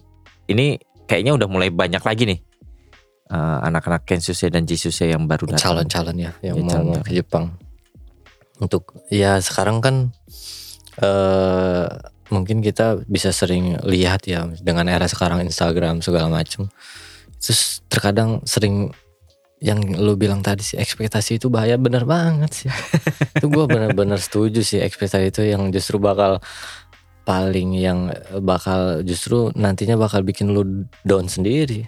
Ketika lu punya ekspektasi segitu dan akhirnya lu nggak bisa nyampe ke ekspektasi yang lu tadinya bayangin gitu jadi menurut gua buat teman-teman yang mau ke Jepang calon Kenshu atau Jujutsu ataupun Tokute lainnya lah kita kan lebih apa ya lebih baik jangan menaruh ekspektasi terlalu tinggi lah buat Hmm. teman-teman yang mau ke Jepang ya kita mungkin punya harus punya target iya punya ambisi boleh Hmm. Tapi nyatanya eh, setelah nanti kalian di Jepang apa pun masalah yang ataupun eh, misalkan ambisi yang lu kejar tuh tidak tercapai saat itu. Lu nggak boleh ngerasa down lu nggak boleh ngerasa ya udahlah ya. udahlah gitu kan. Lu nggak boleh ada ada kata menyerah lah. Lu ibaratnya hanya memang kita tuh namanya kita kan di sini punya batas waktu ya. Kita nggak selamanya kan tinggal di sini. Ada tempo tertentu yang kita punya jarak tuh misalkan tiga tahun lima tahun. Lu ibaratnya tahun pertama lu boleh ibaratnya oke gua tahun pertama hmm, misalkan lu pingin fokus untuk nabung oke lu harus nabung. Lu harus benar-benar gimana caranya bisa hidup hemat di Jepang gimana caranya supaya lu sebisa mungkin jangan terlalu banyak melakukan pengeluaran yang lu nggak butuh lu misalkan pengen beli iPhone baru lu pengen beli sepatu baru itu kan semua semua semua diakuin, anak-anak. Gua akuin. Indonesia datang ke Jujur Indonesia aja. pasti jujur aja pasti beli iPhone. pasti ngikutin ngikutin dengan se- seiring dengan kita datang ke Jepang walaupun gua bilang tuh walaupun gak semua orang ya cuma hampir kan rata-rata kita gaya hidup pun ikut menyesuaikan kan dengan hasil dengan apa dengan menyesuaikan dengan uh, pendapatan yang kita dapat gitu kan Karena jadi mampu itu. karena kita mampu kalau Hmm. kita misalkan nggak mampu dari awalnya kan kita mikirnya kan kita dulu nggak pernah bisa beli sepatu misalkan yang bagus yang sekarang Jordan. Air Jordan kah atau iPhone yang baru lah kita di selama di Jepang masa malu sih ini pakai misalkan pakai HP Cina ini udah di Jepang pengen ah beli kayak si itu beli iPhone baru ada keluaran baru terus beli lagi yang baru. Menurut gue sih selama setahun itu lu boleh lu boleh lah misalkan punya keinginan itu. Cuma setahun pertama lu tetap harus punya target. Kalau sebisa mungkin gue tahun pertama itu lu taruh ibaratnya balik modal dulu lah. Lu selama ini kan lo pasti rata-rata e, ngabisin uang tuh yang gak sedikit lah. Iya. Buat kita ke Jepang tuh entah Berangkat itu modal dari tuh. APK sendiri kan bayarnya Bayarnya kan cukup sedikit. cukup lumayan ya. Hmm. Itu nggak sedikit. Dan itu kan kita harus ibaratnya tanggung jawab sama orang tua kita yang udah cari uang itu Hmm. buat modal kita ke Jepang. Kita ibaratnya tahun pertama udah kerja keras aja dulu buat ibaratnya bahan Sambil beradaptasi bener ya. Benar sambil beradaptasi. Jangan terlalu banyak melihat orang lain yang mungkin yang mungkin maaf ya. Eh misalkan lu lihat senpai lu atau misalkan lihat siapa lu. Lu ingin seperti mereka gitu, ingin melihat seperti apa ya? Wah, teman gua udah bisa jalan-jalan misalkan. Hmm. Dia udah bisa ke sana lah, dia udah bisa ke Kyoto, ke Osaka. Oh, dia main salju lah. Itu tahun pertama tuh kita tuh akan haus dengan segala macam yang yang kita dapat informasi dari smartphone yang kita lihat, kabar dari teman kita yang kita dengar. Hmm. Dari bakal Instagram. ada- oh, dari Instagram apalagi ya. Kita pun perlu namanya orang sekarang kita perlu validasi orang lain. Kita lihat orang lain pengen pergi ke sana, kita juga pengen ke sana. Orang lain beli sesuatu yang mewah, kita pun ingin beli gitu kan rasanya kita ingin supaya dapat eh, impress seseorang yang tadinya mungkin nggak suka udah sama di kita. Jepang gitu. Wah ini Jepang banget, udah sukses nih di Jepang gitu kan. biasanya itu kan hal-hal seperti itu biasanya Iya. yang yang yang untuk awal-awal tuh lu boleh lah nanti, cuma nanti gitu kan. Lu masih ada waktu kok, lu nggak masih bisa misalkan kalau bis nggak bisa lu belum mampu untuk bulan ini untuk misalkan nyukupin apa kemauan lu nggak apa-apa jangan lu paksain itu main utamain dulu aja lu kebutuhan lu aja dulu buat biaya yang punya tanggungan biaya sekolah adik-adiknya untuk biaya mungkin orang tuanya untuk biaya saudaranya yang eh, ngebutuhin bantuan kita sih ya, untuk apa pun lah kita ulurin tangan gak apa-apa lah orang lain eh, mungkin akan akhirnya pada akhirnya nantinya lu bakal ngebandingin nih dengan Hmm. hasil orang lain. Uh tiga tahun teman gua udah bisa beli ini nih, udah ngumpulin ini nih, udah bisa buk beli misalkan di rumahnya udah bisa beli rumah, Hmm. beli tanah, ngasih ini ke orang tuanya. Kok kita rasanya belum ya? Hmm. Kok kita rasanya belum dapat apa-apa ya? Itu yang gua rasain sih ketika itu. Dan gua ngerasa gagal waktu itu bro. Tiga tahun pertama tuh kayak anjir gua ngapain aja ya temen gua udah udah bisa kebeli itulah inilah. Cuma gua mikir akhirnya gua mikir ya udahlah gua i- terimain gitu toh ini emang emang yang gua lakuin selama di Jepang kan main-main gitu kan. Gua nggak nggak se gua akuin gua nggak se Majime. semajime atau sesungguh-sungguh orang lain yang benar-benar ngumpulin uang tiap bulannya untuk dikirim ke orang tuanya. Setiap bulan rajin bulan ini targetnya 10 mang kirim 10 juta. Bulan depan 8 juta. Wah rasanya tuh kayak semangatnya wah gila sih gitu gue akuin awal-awal awal ke Jepang kan rata-rata yang gue Hmm. bilang di awal tadi spiritnya tuh beda sama yang kita udah misalkan taruh lima tahun lo di Jepang sama Ya lo- udah kayak hidup biasa aja. sama udah biasa gitu kan kita terima gaji udahlah ki- kirim uang seberapa kita untuk ini beda sama yang spiritnya baru pertama kali di Jepang datang ke Jepang lalu dapat gaji melihat wah gaji kita ternyata lumayan agak besar nih kan dirasa itu besar karena itu kan gaji dia yang belum tahu ada potongan segala macam belum nantinya kita tahunya itu intinya besar lah dibanding eh, kalau kita bandingin dari dengan Indo, ya. pendapatan di Indonesia memang. Dan akhirnya bakal bakal itu ngeganggu apa ya? Ngeganggu motivasi ya, visinya ya. iya tujuan, kita pun kita tujuan kita pun jadi jadi ibaratnya yang tujuan awal lu ke Jepang apa misalkan ya?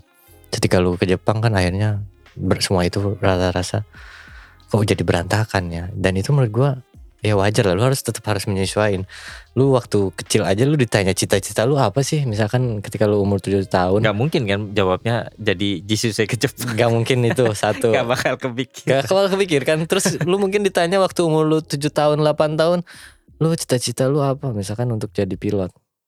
Bulan depannya lu ditanya lagi sama orang lain cita-cita lu apa? Terus ganti cita-cita gue jadi pingin jadi dokter. Bulan depannya tanya lagi lu pingin jadi pilot? Kan itu bakal menyesuaikan ya dengan seiringnya waktu dan lu pun tetap harus punya apa ya tetap di jalur itu lah untuk tetap Hmm.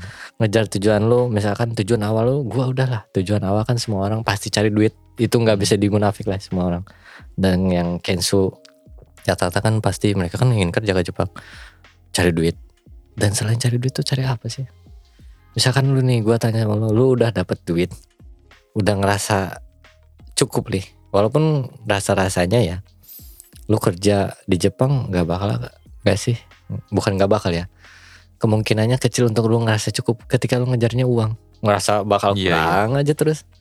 Ah kurang nih masih bisa lah cari lagi. Setahun lagi di Jepang lumayan bisa ngumpulin berapa lagi gitu untuk Padahal namanya. nggak kubul juga padahal akhirnya nggak kekumpul juga kan. Sama aja gitu kan. Itu yang lucunya gitu kan. Gue mikir-mikir wah lima tahun setahun lagi lah di Jepang. Setahun lagi kan akhirnya oh ternyata ada yang salah nih. Ternyata ketika kita ngejarnya cuma duit kita bakal bakal tetap aja berambisius untuk ngejar yang yang nggak bakal ada habisnya. Terus gue pernah tanya ke diri gue sendiri ketika lo udah punya duit terus lo berarti tujuan lo udah nggak mau di Jepang lagi? Enggak gue pikir kan enggak dong gue tetap pengen di Jepang. Karena apa? Karena gue tetap pengen ngembangin diri gue gitu kan. Gue ngerasa di Jepang tuh gue masih bisa bereksplorasi lebih dibanding gue di Indonesia gitu kan. Ketika gue nanya gue di Jepang cari duit dan gue udah dapet yang gue mau gue pasti pulang ke Indonesia. Iya Maksudnya gitu kan. Tapi gue mikir oh gue walaupun nanti punya duit taruhlah seumpama gue udah tajir udah banyak banyak, banyak duit gitu amin gitu ini, ini berdoa dulu lah. Sambil berdoa misalkan. Eh, dan di posisi itu gue masih ngerasa oh gue tetap gak mau pulang ke Indonesia gue masih butuh nih di sini gitu kan. Gue masih eh, ngerasa gue masih pingin nih di sini gue masih nyaman di sini gue masih main berjuang di sini. Berarti kan tujuan lu bukan duit kan? Berarti kan ada tujuan lain yang sebenarnya eh ada yang lu kejar sebenarnya mimpi-mimpi lain yang ada yang lu kejar. Tinggal Itulah jadi seiringnya berjalannya waktu ketika sampai Jepang bener nyesuaiin antara lu kerja keras dengan passion lu misalkan lu yang misalkan punya hobi punya hobi apa pun entah dia suka seneng mungkin art bisa fotografi atau mungkin apa pun lah. Snowboard gitu. snowboard itu kan bisa kan nggak sesuatu. mungkin di Indonesia snowboard. Kan nggak mungkin nggak ada kan. Nggak ada bukan iya nggak ada tempatnya nggak ada ini. nggak ada saljunya. Nggak ada saljunya nggak ada tempatnya nggak ada aksesnya nggak ada. Kita nggak punya buat mengakses buat ngembangin diri di sana. Misalkan kita kan ada juga kayak teman kita Ian ya just Wah. hobi snowboard. Jadi sebenarnya kan keren kan.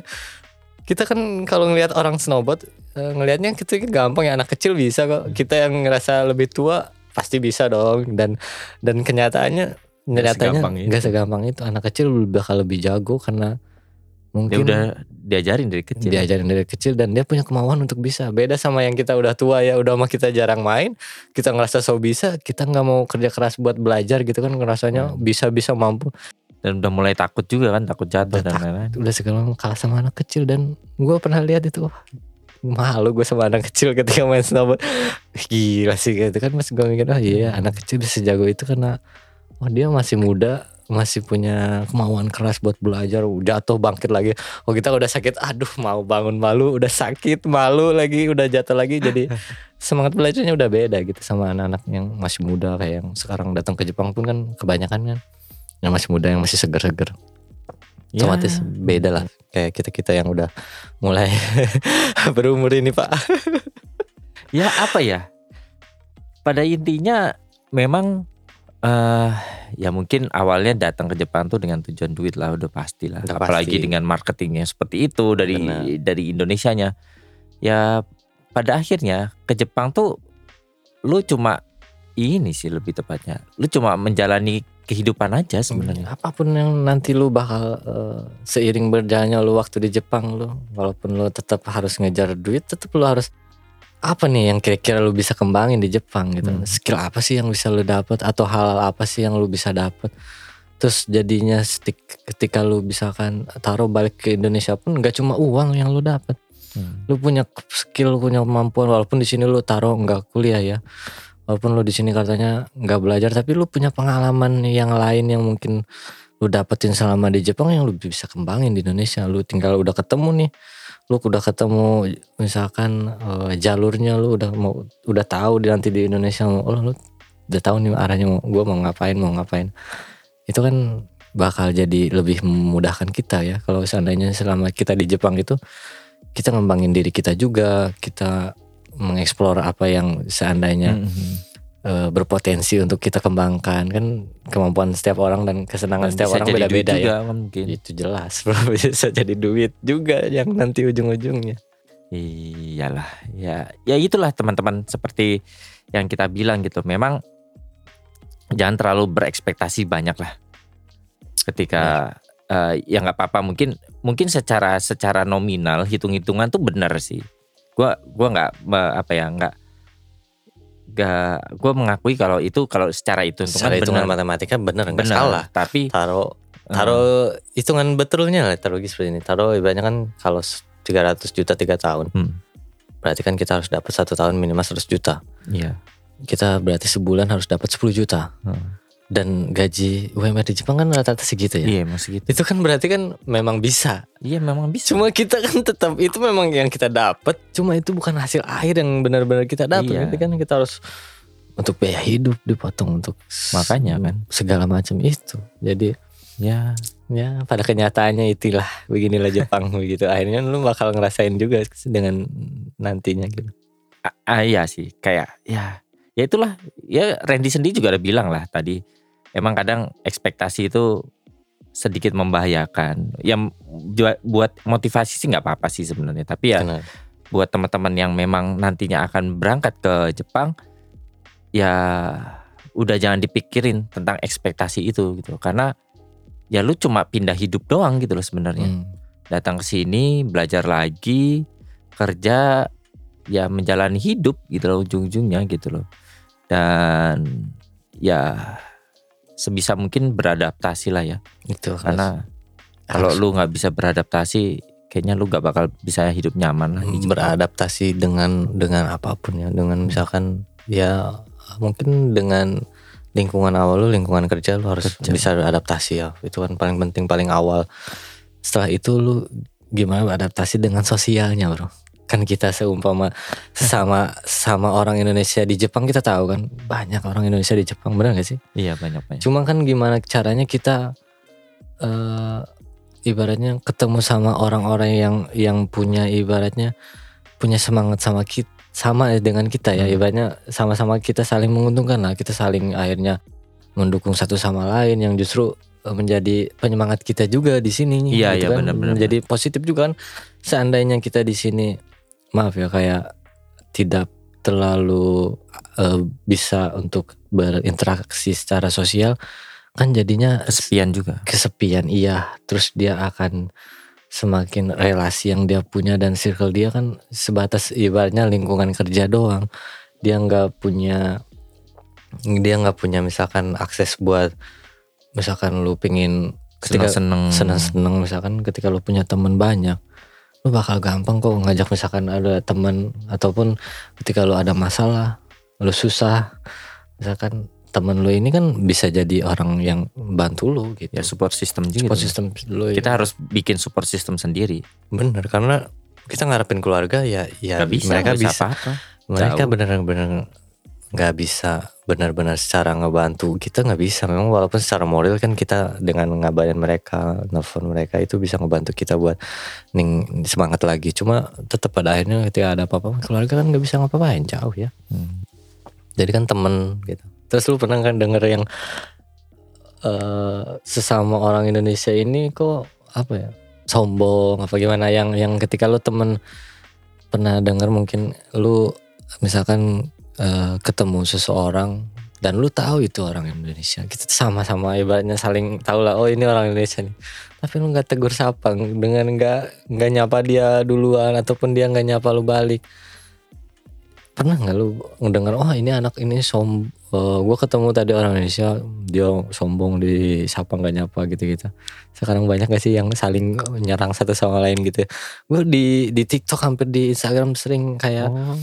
kayak ngelihat yang orang tuh ngerasa apa ya sindir-sindiran gitu ngerasa bukan lebih ke sindir ya mereka artinya ngerasa orang Indonesia yang di Jepang itu ketika hal kecil yang kayak lu disapa tuh misalkan lu ketemu sama orang Indonesia di di mana di satu tempat dan lu nggak nyapa mereka dan lu bakal dianggap nggak respect lah hmm. sombong lah kadang kan kita sama-sama orang Indonesia hmm. sama-sama yang cari nafkah di Jepang lah hmm. itu yang akhirnya kadangan nih ya kadangan jadi masalah buat gua belakangan ini yang kada kayak kenapa sih orang-orang jadi baper gitu karena hal-hal seperti ini gitu karena menurut gue ya ketika gue ibaratnya ketemu seseorang maupun itu gue nyapa dia dan dia misalkan seumpamanya nggak ngerespon, gue nggak nggak akan nggak akan peduli lah. Ya udahlah, berarti kan ya mungkin, ya mungkin dia punya urusan. Dia apa? punya urusan. Dia mungkin sibuk. Dia mungkin dasarnya pemalu, cuek segala macam. Ya gue pun udahlah nggak nggak akan baper gitu kan. Hmm. Cuma ada buat sebagian orang kan dengan hal seperti itu kan bisa jadi salah paham bro artinya langsung menyimpulkan orang ini sombong misalkan orang ini so keren orang ini gimana Enggak. Lu, lu gimana sih pernah gak sih ke, ke, gak, ketemu? Gue sih nggak pernah di nggak pernah pada posisi itu ya, tapi gue pernah dengar-dengar mungkin nggak lu doang gitu loh. Iya gitu kan. Karena ada yang uh, youtuber paling terkenal ya, yang uh. tadinya di Jepang, ada desas-desus juga dari kanan kiri, katanya kalau kalau ketemu uh, apa sih namanya nggak mau difoto atau gimana? Gue akuin bro, gue akuin, gue akuin. Karena ya gimana lah teman-teman. Uh, maksudnya uh, dia kan punya kehidupan sendiri ya. gitu loh. Dan siapa sih kita gitu? Iya. Gue pikir kan gini, gue pun punya pikiran yang sama awalnya dulu. Gue paham siapa yang lo maksud terkenal yang paling terkenal di youtuber yang yang banyak inspirasi orang yang akhirnya ingin jadi youtuber di Jepang. Gue paham gitu kan, gue ngerasa pun oh gue orang Indonesia, gue pun sama bikin konten kok ini orang sombong banget yang nggak mau ya kasarnya taruh seandainya kita hidup di dunia maya di sosial media dia nggak mau fallback kita dia nggak mau hal semacam-macam gitu kan kadang kita buffer yang ngelihat ngelihat ngelihatnya jadi negatif kebanyakannya. Cenderung ya negatif. Cenderung mikir dia sombong gimana gimana gue denger juga tuh desas-desus itu tuh gue denger. Makanya gue nggak mau tuh waktu itu ngefollow lah atau ketemu. Dan pada akhirnya gue paham ketika ternyata uh, hubungan manusia itu antara memang ya kalau nggak secara ketidaksengajaan ya karena ada bisnis karena ada ah. needsnya bro paham gak sih? Karena saling ada butuh. saling butuhnya.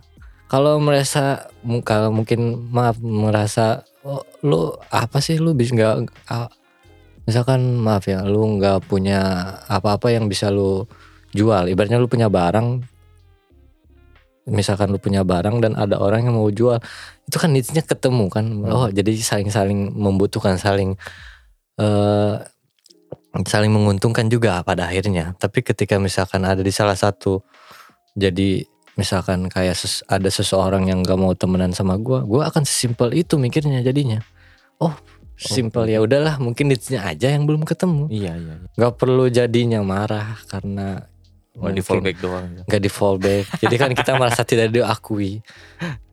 Kan seperti ngerasa, oh kita nggak dihargain, kita merasa direndahkan lah, atau gak wah gitu, berpikir nah. padahal nggak nggak harus, kita nggak boleh merasa hmm, kita nggak boleh marah akan validasi yang kita belum kita dapat gitu dari hmm. orang iya. lain. Biarin lah ibaratnya mungkin orang mikir sekarang kita belum punya belum selayak untuk misalkan jadi teman dia nanti pad, pada akhirnya lu bakal punya punya waktunya sendiri gitu untuk kalau bisa. needsnya ketemu itu kalau kan. needsnya itu udah cocok udah ketemu lu sama siapa pun pada akhirnya bakal oh bakal ketemu. Bakal nggak sengaja dengan lu nggak expect yang tadinya oh nggak kenal kok jadi tiba-tiba oh ini padahal gue siapa ya? Gue mikir kayak si Huda itu kan? Iseng-iseng. kan. iseng-iseng kan? Ngajak siapa itu? ya, ngajak Erika. Erika kan? Tanya dibales. Tanya Ya kan needsnya juga ketemu. Needsnya ketemu. Simple itu kan Akhirnya karena mungkin Erika mikir oh gue akhirnya bisa diajak foto nih sama Huda. Dan Huda pun ingin mengajak dia foto. Needsnya ketemu di situ mereka akhirnya kan cocok. Vibesnya juga ngerasa mereka dapet. Ketemu lah kenal lah akhirnya. Iya. simple itu kan. Ketika misalkan vibesnya nggak cocok nggak nyambung terus kita nggak ada koneksi yang bisa ngubungin Gak kita usah dipaksain. nggak usah dipaksain. Nggak usah memaksa buat bisa kenalan sama si ini temenan sama si ini. Atau misalkan yang parahnya lagi bro. Kadang kan ada ya maaf maaf. Buka buka maksud menyerang seseorang. Cuma kadang kan gue melihat ada seseorang yang sebagian orang lah yang mungkin memaksakan diri lah.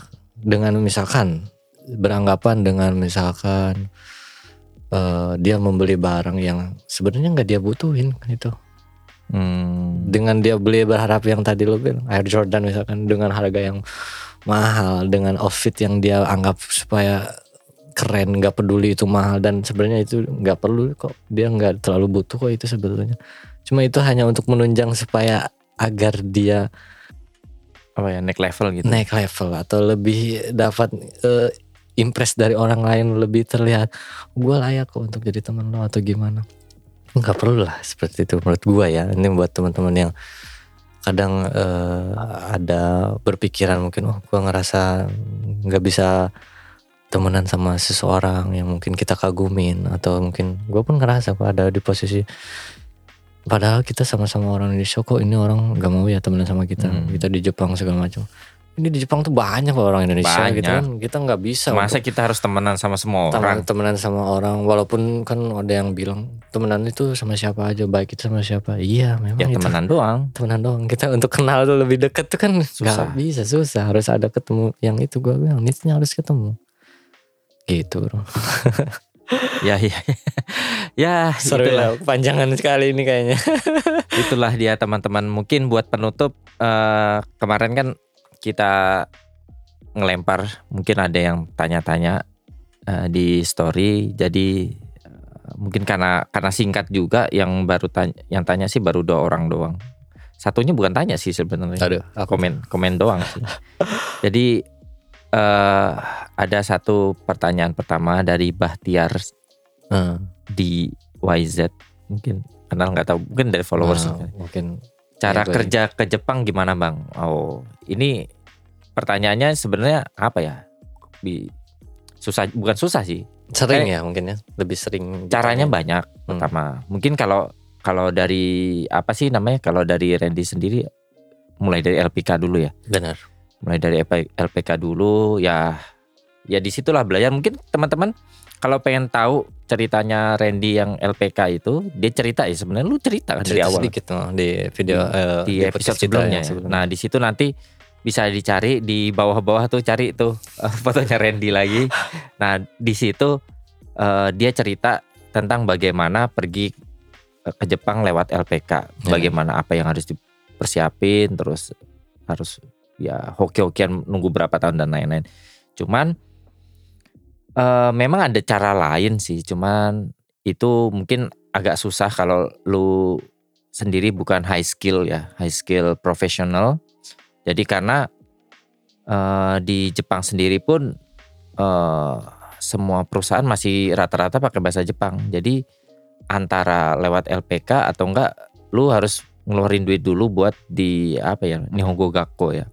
Nihongo Gakko setahun dua tahun baru nyari kerja. Kayak gitu sih. Biasanya ya standarnya. Atau enggak ya kuliah dari kuliah dari di Jepang lu nyari kerja. Kayak gitu.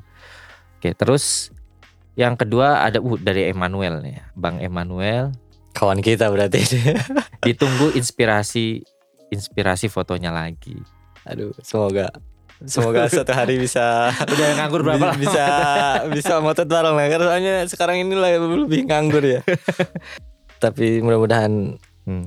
mudah-mudahan lah kita saling-saling menginspirasi ke saling-saling Karena support lu- satu sama lain Kalau dilihat-lihat gelombang pertama ya berarti ya fotografer-fotografer yang eh, fotografer-fotografer Indonesia yang di Jepang. Hmm, bisa dibilang ya mungkin ya Gelombang pertama. ya. Karena dulu ya dulu gue masih ingat banget karena dulu belum terlalu banyak orang Indonesia yang dan gue pun pernah ada di posisi yang lu ngapain sih foto-foto gitu Oh. lu ngapain sih Sekarang malah keluar? ikutan semua. itu bro. akhirnya kan akhirnya kan secara nggak langsung toh eh, kita nggak harus memaksakan untuk eh, dapat validasi dari orang ya Kebe- mungkin kebetulan itu emang passion lu juga gitu, dan hobi lu itu juga. itu dan eh, Dan nggak semua orang bisa eh punya hobi yang sama sebenarnya, nggak usah dipaksain. Dan gak usah dipaksain juga untuk misalkan lu ngejar sesuatu untuk dapat hasil validasi.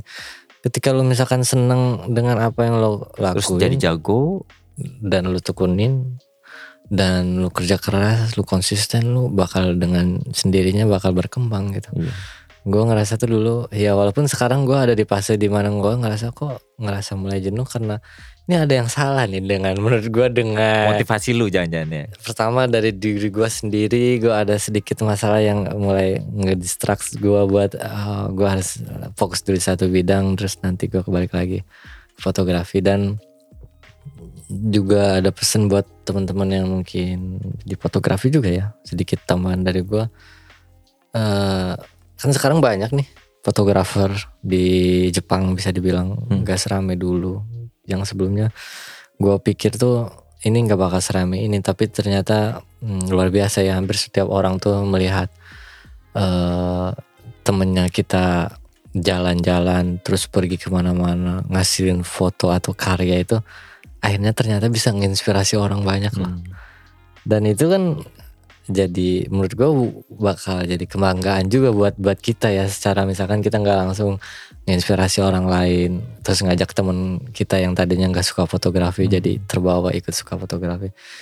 Kita teruslah dikembangkan gitu untuk beda ya kita saling saling support. Cuma terkadang ada ada tetap aja bakal ada dong ada bakal clash ada bakal segala macam masalah dengan sesama misalkan fotografer yang eh, sesama satu hobi dengan kita dan dia pun sama satu negara dengan kita satu kita sama-sama dari Indonesia lah ya. itu tetap aja gue pikir oh nggak bisa dihindari sih pasti pasti tetap ada aja masalah yang dikit-dikit gitulah Apalagi Dikit-dikit. orangnya komunitasnya udah semakin besar.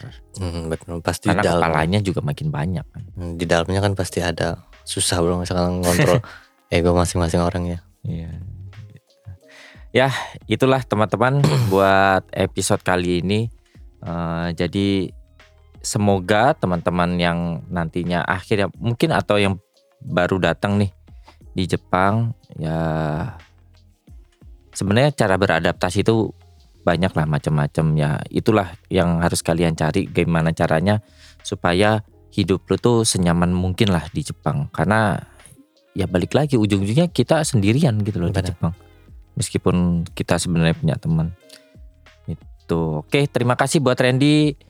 Eh, atas waktunya datang lagi ke podcast Night in Tokyo. Sama-sama bro. semoga semakin ya semakin betah lah semakin betah di Jepang semakin ini dan semoga fotografinya juga eh, jalan lagi Amin, dengan amin. seiring seiringnya apa ya, turis bisa datang lagi ke Jepang dan terima kasih juga teman-teman yang udah tetap dengerin Night in Tokyo. Semoga bisa jadi ya semoga bisa jadi panduan atau jadi apa ya ya jadi hiburan juga sih sebenarnya. Jadi hiburan gimana caranya hidup yang nyaman lah di Jepang.